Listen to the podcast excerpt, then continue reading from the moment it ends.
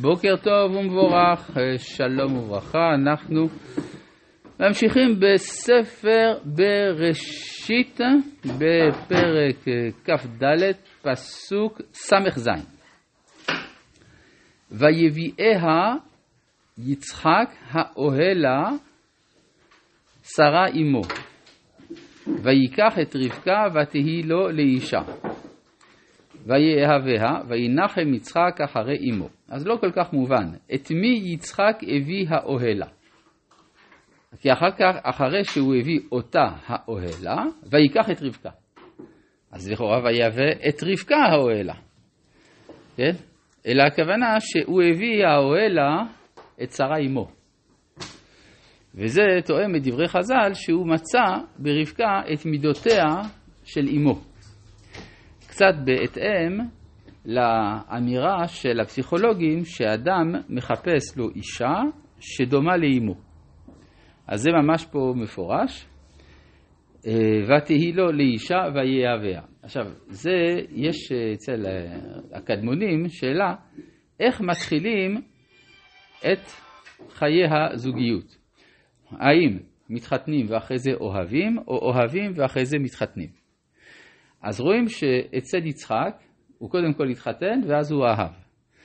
אצל יעקב רואים שהוא קודם כל אהב ואחרי זה התחתן. אז מה יותר טוב? הרי יש לנו בעיה, אנחנו לומדים את המידות, את דרכי ההתנהגות שלנו, אנחנו לומדים מן האבות. אבל פה אנחנו רואים שהאבות, אחד עושה ככה, השני עושה אחרת. גם לגבי, בכלל אם כבר מרחיבים איך מתחתנים, הרי אברהם התחתן עם קרובת משפחתו, שהוא גדל איתה באותו חצר ושיחקו ביחד גולות. יצחק התחתן עם מישהי שהוא לא הכיר בכלל, בחרו בשבילו. יעקב התחתן עם מישהי שכפו עליו, וגם עם אחת שהוא בחר באהבה, בפגישה רומנטית על פני הבאר. על פי הבאר. אז יוצא לפי זה שיש לנו ארבעה אופנים איך להתחתן. ומה יצא מזה? עם ישראל. הדבר הזה מלמד אותנו דבר חשוב, דיברנו על זה פעם, שמה שחשוב זה לא איך מתחתנים, אלא מה עושים עם זה. ויצא מזה עם ישראל, זה מה שחשוב. טוב. אה, וינחם יצחק אחרי אמו, ויוסף אברהם ויקח אישה ושמה קטורה. עכשיו, מבחינה אה, קרונולוגית, אנחנו לא יודעים, אולי זה היה לפני, אולי זה היה אחרי, זה מופיע אחרי. זה מופיע אחרי שאברהם נושא עוד אישה ושמה כתורה, והשאלה היא, מה זה בא לומר? הרי לכאורה, עצם זה שבהתחלה יש ניסיון, ישמעאל, לא כל כך מוצלח, לאחר מכן יש יצחק, וזה עובד מצוין, והוא אפילו מתחתן עם רבקה, ואז יוצא שהעתיד של האומה מובטח. אז מה זה הסיפור הזה שהוא נושא אישה ושמה כתורה? אלא אצל אברהם מעולם לא נעלמה המטרה הקוסמופוליטית. אז אדרבה, מאחר ויצחק נושא את רבקה, אברהם יכול להמשיך בהובי, בתחביב שלו, שזה הקמת אה, ישות קוסמופוליטית, דרך אישה נוספת ושמה כתורה, ותלד לו את זמרן ואת יוקשן ואת מדן ואת מדיין ואת ישבק ואת שוח. אז פה לא כולם מוכרים, אבל אחד מהם, מדיין, ברור שאנחנו יודעים את התפקיד המיוחד שמדיין עתיד למלא במהלך ההיסטוריה, בין היתר שהם יהיו בית הגידול של משה רבנו. כן, אה, אה, מנהיגם של אלה במדיין נתגדל, ולכן אנחנו רואים שזקני מואב פונים אל זקני מדיין כדי להתמודד עם משה. מה? זה הפוך, בלק. מה בלק? בלק, כן, כן, כן, כן, מואב, כן, מואב, אה, בראשות בלק, פונים למדיין.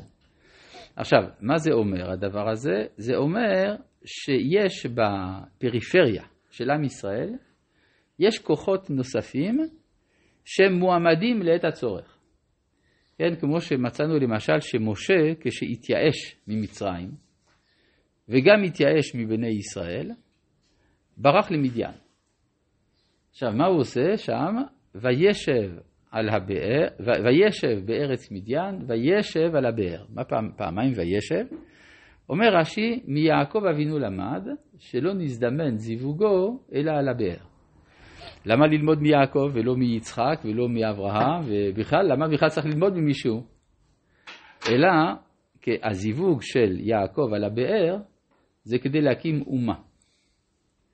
וכאשר משה התייאש ממצרים וגם מישראל, אז הוא הלך לחפש אצל מדיין. אולי אפשר במדיין להקים אומה אלטרנטיבית. כלומר, אנחנו צריכים להבין שמה שלנו ברור ומובן מאליו, שההמשך של אברהם זה דרך אה, יצחק ויעקב ובני ישראל, זה לא דבר שהיה מובן מאליו למשה בשלבים הראשונים. ולכן יש תמיד מי שמציע את עצמו בתור ההמשך של תורת אברהם במקום ישראל. וזה התחלת ההסתבכויות.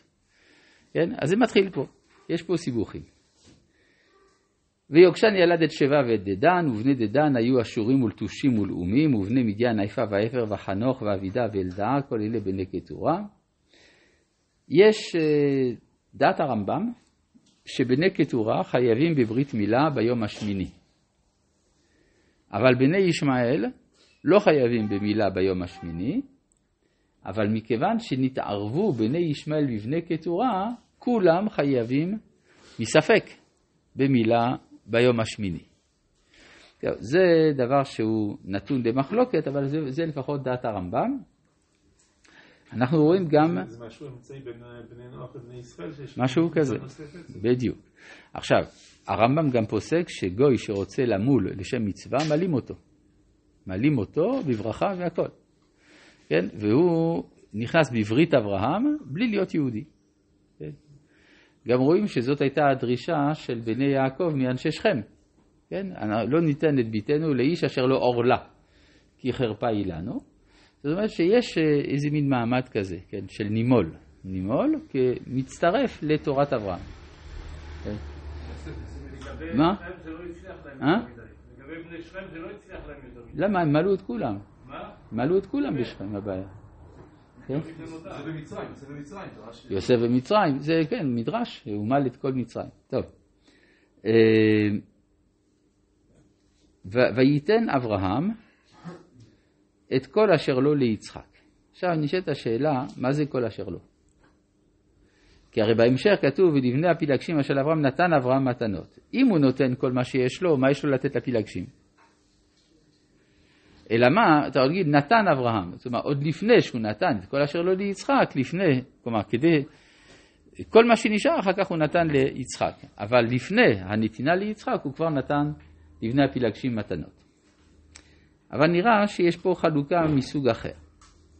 הרי מה זה משהו אשר לו? אם נעמיק במשמעות של אשר לו, מה שייך לו לאדם? כל הקניינים שאדם קונה, זה לא שלו באמת. איך אני יודע? הוא יכול, למק... הרי הוא קנה, הוא יכול גם למכור. אז אם משהו שיש, שהוא שייך לאדם ניתן למכירה, וזה בעצם כל רכוש זה ככה, אז זה אומר שזה לא באמת שלו, זה בינתיים שלו. אז מה באמת של האדם? בין היתר חייו. כן? החיים של האדם זה שלו, ולכן, כיוון שזה שלו, אסור לו לתת את זה. אדם צריך לשמור על חייו. אותו דבר אנחנו רואים לגבי מתנות שהקדוש ברוך הוא נותן. כשהקדוש ברוך הוא נותן משהו, אז זה כבר של האדם באופן מהותי, לכן אסור לו לתת את זה. מה הדבר שהקדוש ברוך הוא נתן לאברהם ישירות? ארץ ישראל. אז מה זה כל אשר לו? זה ארץ ישראל. כן, הוא נותן ליצחק את כל אשר לו, מה שבאמת שייך לו, אז את זה אסור לו למסור לאחרים, לכן זה נשאר במשפחה. נותן כל אשר לו ליצחק. ואז יוצא לפי זה שלבני הפילגשים הוא לא נותן את ארץ ישראל. ולבני הפילגשים אשר לאברהם נתן אברהם מתנות. וישלחם מעל יצחק בנו בעודנו חי, קדמה אל ארץ קדם. זאת אומרת שזה תואם את מה שראינו בסוף פרשת לך לך על שתי משימות שיש לאברהם. המשימה של הברית עם אומה בארץ ישראל, וזה מתקיים ביצחק, והרבה אותך במאוד מאוד זה מתקיים בישמעאל בריבוי נשיאים והשפעה בעולם. אז גם בני הפילגשים, זה כולל גם את בני ישמעאל, גם הם שייכים למגמה הזאת.